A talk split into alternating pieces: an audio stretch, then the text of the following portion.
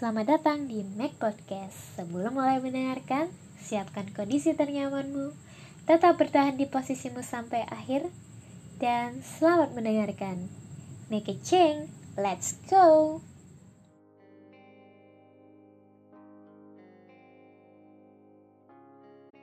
Halo teman-teman semua, ketemu lagi di Mac Podcast episode ketiga. Tetap bareng aku, Jiana Zirahanun. Gak bosan kan sama aku? Enggak dong ya. eh, eh, gak usah basa-basi lagi deh. Jadi di episode kali ini aku bakalan share nih tentang mindset. Mungkin sebagian dari kalian sudah memahami betul apa itu mindset atau mungkin beberapa yang lainnya juga belum paham apa itu mindset. Jadi sebenarnya apa sih mindset itu? Nah, aku sendiri sih masih belum paham sepenuhnya tentang mindset.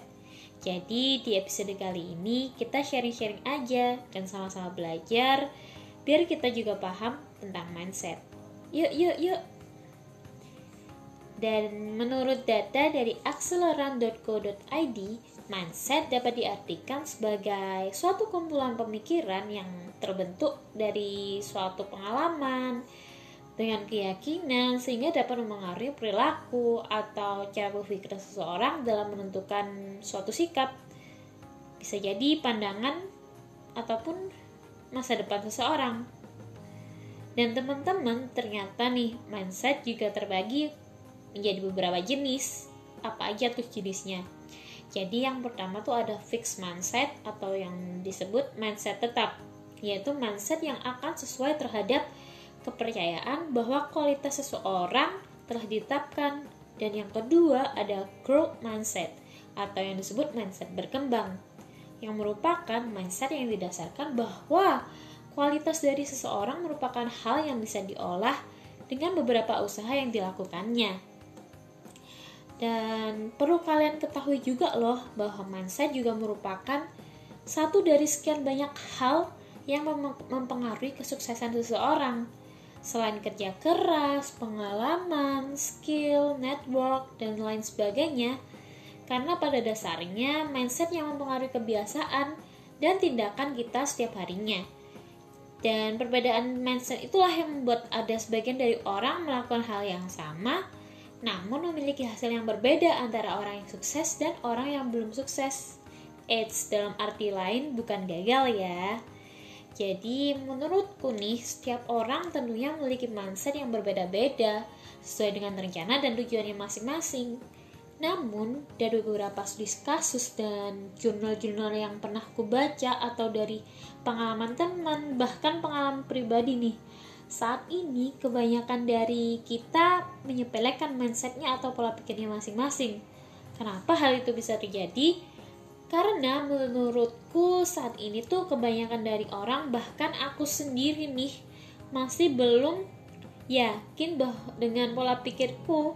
Sehingga aku tuh mencari tahu bagaimana seharusnya aku menyikapi diri dengan pola pikir yang benar.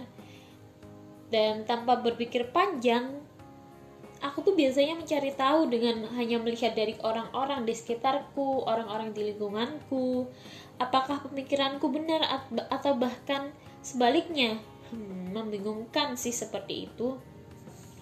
Jadi dari hal tersebut menjadikan pola pikirku tuh berantakan dan berakibat kebimbangan yang berdampak pula pada kehidupanku karena aku melihat dari orang lain yang ya bahwasanya tuh sudah jelas di mana mindset mereka pola pikir mereka tuh berbeda dengan pola pikirku namun uh, ku jadikan standar pola pikir yang ku anggap benar.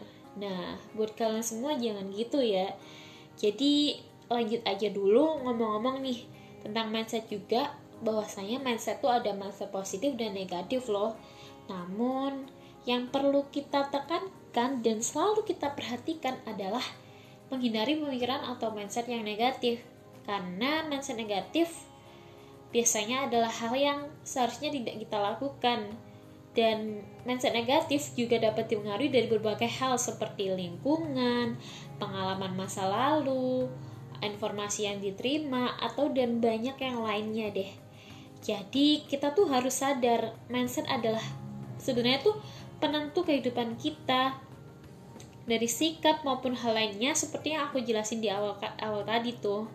Karena jika kita selalu memiliki mindset negatif, hal tersebut akan berdampak buruk bagi diri sendiri. Misalkan nih, kita selalu berpikir yang dikatakan orang lain adalah yang paling benar. Padahal kenyataannya pernyataan atau pendapat orang lain juga belum tentu benar. Berpikiran negatif juga bisa berdampak pada kepercayaan diri kita tentang segala hal yang menjadikan kita overthinking. Nah, bahkan kita tuh bisa overthinking terhadap diri sendiri juga orang lain. Jadi overthinking itu kita berdampak juga bagi kehidupan ke depannya. Dampak-dampak buruk yang kita selalu berpikiran dari kita selalu berpikiran negatif sangat banyak ya seperti kita selalu iri melihat kesuksesan orang lain, tidak mau keluar zona nyaman, selalu merasa dirinya tidak bahagia, bahkan paling buruknya nih kita tidak percaya dengan diri kita sendiri baik secara fisik maupun psikis jadi kita tidak kita tuh jadi kayak rendah-rendah diri kita nggak percaya emang benar kita kayak gini? Emang benar aku kayak gini? Wah wah wah. Bahaya banget kan teman-teman kalau kita selalu memiliki mindset negatif. Jadi nih buat kita semua nih perlu direnungkan banget bahwasanya Tuhan tuh menciptakan kita sebagai manusia dengan kondisi terbaik kita menurutnya yang baik gimana. Jadi Tuhan tuh selalu tahu yang benar buat kita gimana. Bukan menurut orang lain, orang-orang memang akan selalu punya pendapat yang berbeda ataupun standar hidupnya yang mereka ciptakan masing-masing.